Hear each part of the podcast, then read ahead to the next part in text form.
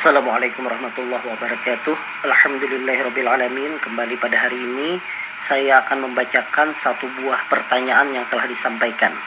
Assalamualaikum dokter. Waalaikumsalam warahmatullahi wabarakatuh.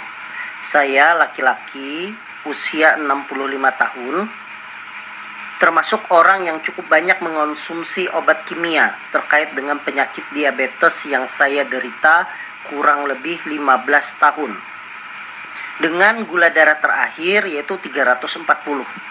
Terlama saya mengonsumsi obat metformin sehabis makan pagi dan makan siang. Saya minum satu tablet. Untuk menjaga ginjal agar tetap sehat, apa saran dokter untuk saya?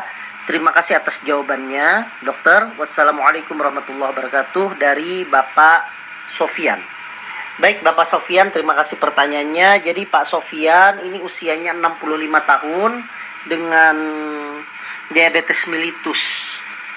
Uh, kalau dilihat dari pemaparan berarti Pak Sofian termasuk pasien geriatri, yaitu pasien lanjut usia dengan penyakit kronik, yaitu usia di atas 60 tahun dengan penyakit kronik. Nah, Pak Sofian dikatakan sudah menderita kencing manis 15 tahun dan rutin minum obat metformin dua kali sehari. Walaupun dosisnya tidak dituliskan apakah 500 mg atau 850 mg.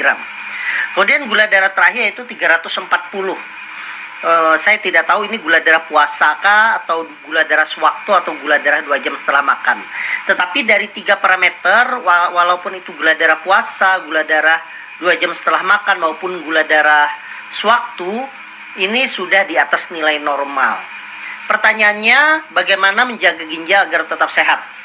Baik, kita ketahui bersama bahwa diabetes mellitus itu adalah uh, mayoritas penyakitnya adalah penyakit degeneratif, yaitu penyakit yang muncul aki, seiring dengan perkembangan usia akibat uh, gaya hidup, kemudian akibat uh, pola makan dan sebagainya sehingga didapatkan diabetes mellitus. Nah, diabetes mellitus atau kencing manis yang degeneratif ini biasanya dia akan bersifat seumur hidup. Nah, kalau dia tidak terkontrol, dia akan berbahaya. Kenapa dia tidak dia akan berbahaya? Karena dia akan menyebabkan kerusakan organ-organ target. Antara lain misalnya kerusakan di retina menyebabkan kebutaan, uh, kerusakan di pembuluh darah di otak menyebabkan menyebabkan stroke kerusakan di pembuluh darah koroner menyebabkan penyakit jantung koroner, kerusakan di pembuluh darah tepi di kaki menyebabkan terjadinya luka kaki diabetes, kemudian kerusakan saraf menyebabkan kesemutan dan terasa kebas, dan kerusakan di parenkim ginjal maka dia akan menyebabkan gagal ginjal. Jadi, kalau dia tidak terkontrol, kita garis bawahi, maka dia menyebabkan kerusakan. Apakah diabetes bisa kita hindari untuk menyebabkan kerusakan sangat bisa. Caranya bagaimana? Caranya ya tentunya dengan cara menjaga gula darah agar stabil. Nah, gula darah stabil itu sesuai target. Ya misalnya gula darah puasa sebisa mungkin di bawah 100 atau kalau bisa di, di bawah 125. Gula darah sesudah makan misalnya di bawah 140 atau misalnya paling tidak di bawah 200. Atau misalnya gula darah sewaktu di bawah 200 itu adalah targetnya. Lebih baik lagi adalah terkontrol selama tiga bulan berturut-turut dengan pemeriksaan namanya HbA1c. Targetnya itu adalah di bawah 7 kalau berdasarkan per Kenny atau di bawah enam setengah kalau berdasarkan konsensus yang ada di Amerika.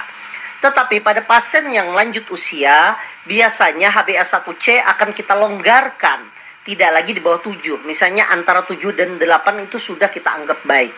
Nah, pada Bapak kami anggap atau saya anggap itu belum terkontrol secara baik karena gula darahnya itu 340 dan terapinya itu hanya metformin.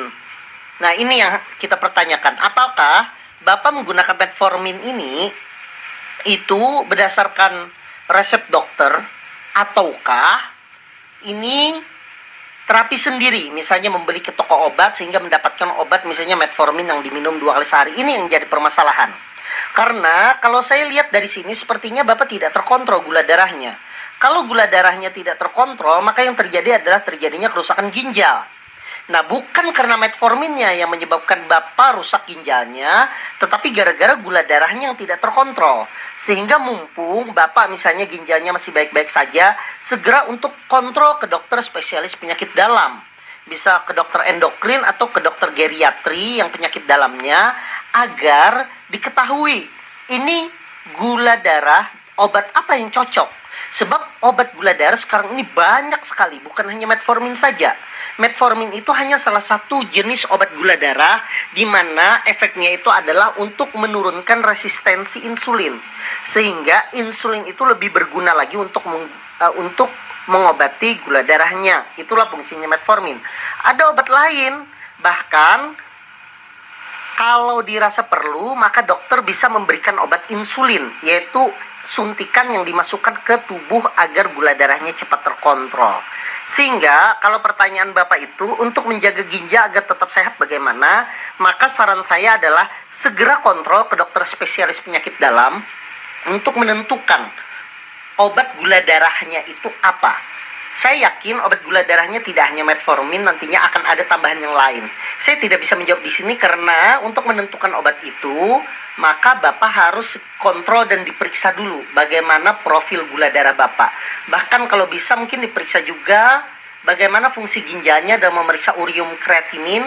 Kemudian juga bisa diperiksa profil lipid atau lemaknya dan memeriksa kolesterol total, kolesterol jahat, kolesterol baik, dan trigliseridanya. Mungkin itu saja yang bisa saya jawab kepada Bapak Sofian.